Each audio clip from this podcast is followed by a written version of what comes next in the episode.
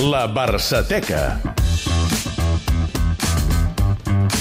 Avui a la Barçateca era obligat pràcticament parlar d'un comiat, en aquest cas no voluntari, sinó que directament el van fer fora. Parlem del comiat d'Andoni Zubizarreta. Eudal Serra, bona tarda. Bona tarda, sí senyor, un 21 de maig, però del 1994, ja fa 24 anys, després de 8 temporades defensant la porteria blaurana, Zubizarreta deixava el Barça.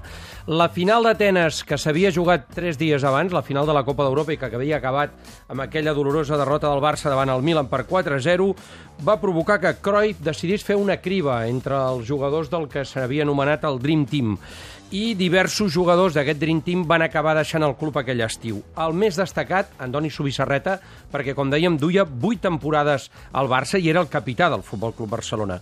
Diuen que li va comunicar el vicepresident Joan Gaspar l'endemà de la final de camí cap a l'aeroport, a Atenes. Subi va donar la seva versió tres dies després, des de la concentració ja de la selecció espanyola a Puente Viesgo, a Cantàbria, on estaven preparant el Mundial dels Estats Units del 94.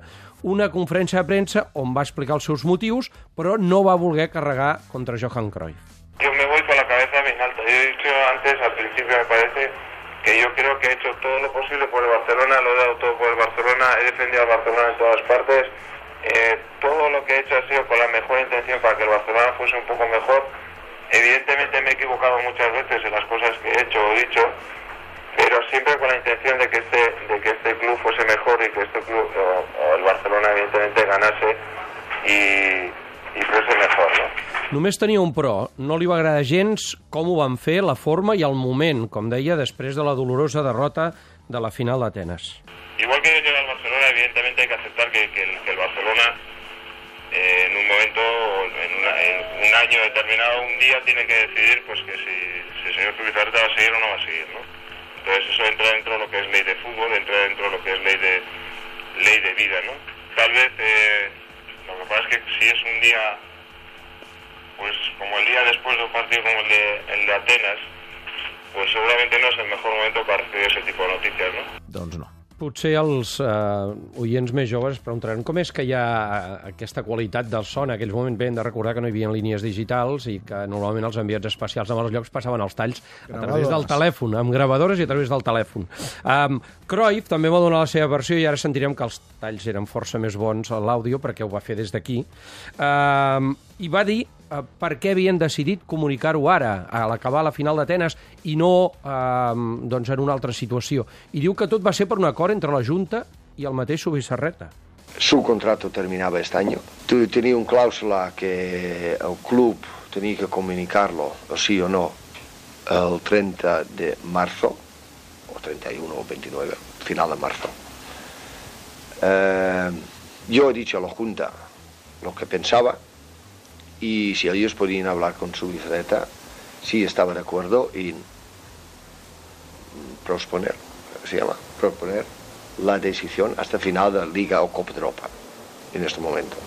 Ellos han hablado con Subi y estaban de acuerdo. Entonces solo queda una hipótesis. Si Elovich dijo, no, quiero saberlo a final de marzo, tenéis que decir lo que ibas a decir. Bé, eh, Cruyff aquí va afegir també que ell no es podia deixar endur pel sentimentalisme i que li va costar però que havia de prendre decisions d'aquesta mena i a dir-li a jugadors que havia tingut durant unes quantes temporades al seu costat que no podien continuar. Y si hay que cambiar de vez en cuando, hay que cambiarlo. ¿Por?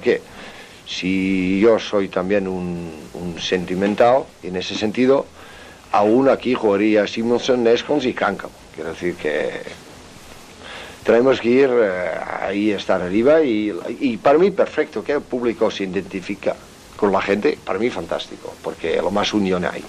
Pero hay momentos que,